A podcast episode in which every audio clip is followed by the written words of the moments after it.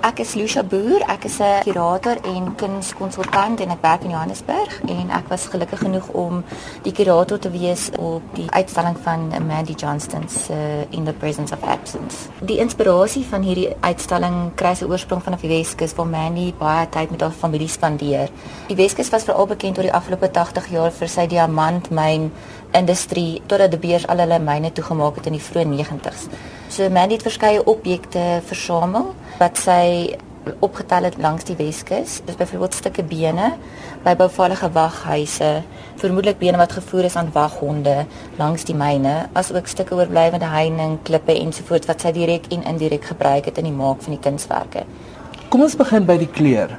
Ons kry baie swart, baie bruin. Vertel ja. my hoekom dit gebruik is. Dit verwys baie na die landskap veral van die Weskus. Alhoewel daar baie inligting in die werk het, is, is die uitstalling visueel baie skoon. Hmm. Ehm um, en ek dink dit gaan maar ook oor die dit verwys ook na die spesifieke dele van die objekte wat sy um, versamel het en wat die hele tyd voorkom, soos byvoorbeeld die bene, die klippe, die landskap, die sand. 'n uh, eh, medium wat baie gebruik word in die uitstalling is sout en dis een van die oorspronklike geldeenhede wat daar was. En dis ook 'n medium wat my in die begin ondersoek het in haar vorige solo uitstalling en sy het gevoel sy wil 'n bietjie meer ondersoek. Wat ek nogal oplet is dat baie van die werke met klip te doen het. Of dit 'n juweel is, hoekom gaan die werk om hierdie materiaal? Die konsep agter die uitstalling gaan oor waarde. So the stones line the fences. So where there would be a fence, they would use the stones to weight down the fence. But now the fences are gone, so there are these beautiful straight lines of stones in the landscape. So I use the various materials to speak about things. So for example, copper is dually both a raw material, but it's also used for information technology. So it's an, an exchange between humans um, like a conceptual exchange, but then also a actual physical raw material exchange. So the same with salt. Some point in history, slaves were traded for salt. So um, that's the initial inspiration, but now I just use salt in my work to talk about that ex exchange between humans. Van die werk wat uitgestal word, het deur die soutdrukproses gegaan. Vertel my 'n bietjie daarvan. Dit is 'n baie interessante proses en 'n baie gekompliseerde proses dit is gedoen met die hulp van Alternative Print Workshop. Hulle is in in Johannesburg. Wat dit basies beteken is die papier word in sout geweek. Um, en wat dit baie spesiaal maak spesifiek hier is die sout waarna dit geweek is is spesiaal gekry vanaf 'n spesifieke soutpan in die Weskus. Ehm um, so die werk word dan in sout geweek en dan droog gemaak en dan word daar 'n emalie opgeverf wat silwer in het en dan word jou objek of jou negatief bo-op gesit en die silwer reageer met die son en die sout laat dan dat die silwer basies in die papier intrek en dit maak jou dit gee vir jou die. So I collected pieces of barbed wire that over time have morphed through the rusting process. So they're actually grown. And I sat for hours and hours collecting these pieces and then I realized the reason why I was so fascinated by them was because they looked like things to me. Like figures or animals or pieces of people. I don't know it was kind of a ma- kind of magical. And then when I showed them to people, people were like, "What? What do you mean? This is a thing?" So I started playing with the shadow to show people what I'm seeing. So that's what you can see here. Um, but everyone who has seen them now um, sees something else in them. And it's fascinating because I've taken a piece of barbed wire, made it into an artwork, and now suddenly it's, it has value. So it speaks about all of those things. Dit was my ook baie interessant want ek het ook die hele prosesse gaan van hoe sy van die klein objek en hoe skade weer dan 'n ander prent na tevore bring. En en as jy net daar deur kyk hierso die objek is 'n objek op sy eie maar as gevolg van die skade weer het dit 'n nuwe hele nuwe kunswerk na vore gebring. So baie interessant. Wat is die betekenis van hierdie skaduwee want ek sien nogal op die ander werk daar oorkant is daar die bene wat so aan mekaar gekoppel is, maar ook wat baie duidelik uitstaan is die skaduwee onder. Um the shadow represents the absence. So for me it's what is very very present but what we don't see. Hmm.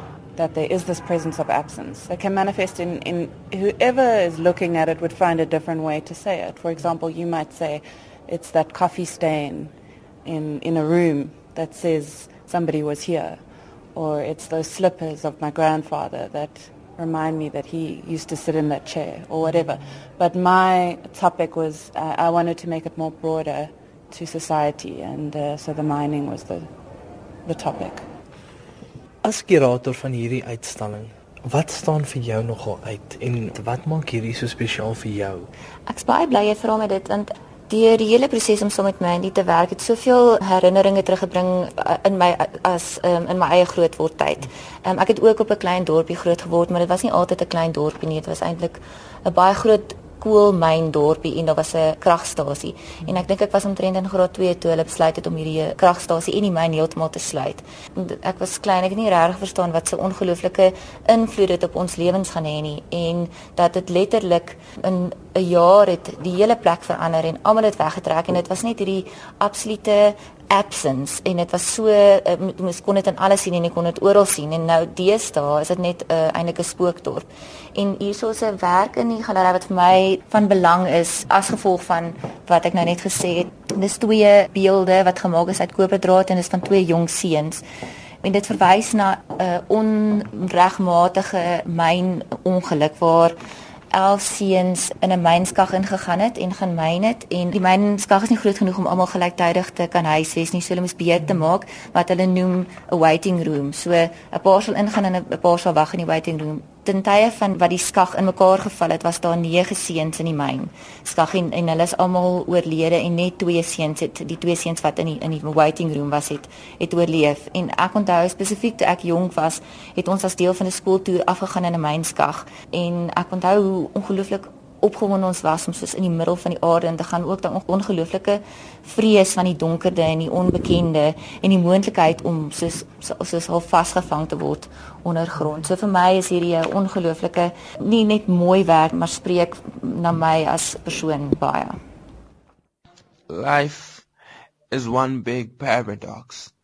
We are born dying in the midst of war, fighting to keep a peace of mind, but the mind is a minefield of emotions that explode into waves which then rise and then rush to the shores of our eyes. Tears are riddled omens that rarely shed light on the purpose or the source of our pain. They just rain down and disappear into the ground. Did you know that an ocean of clarity lies beneath the earth, with no ordained oracle to obtain it, for the truth and asparagus state is too dense to carry in our breath. But I have tried to carry it in mine, and if by now you do not know where you are or where you stand, allow me to welcome you to the presence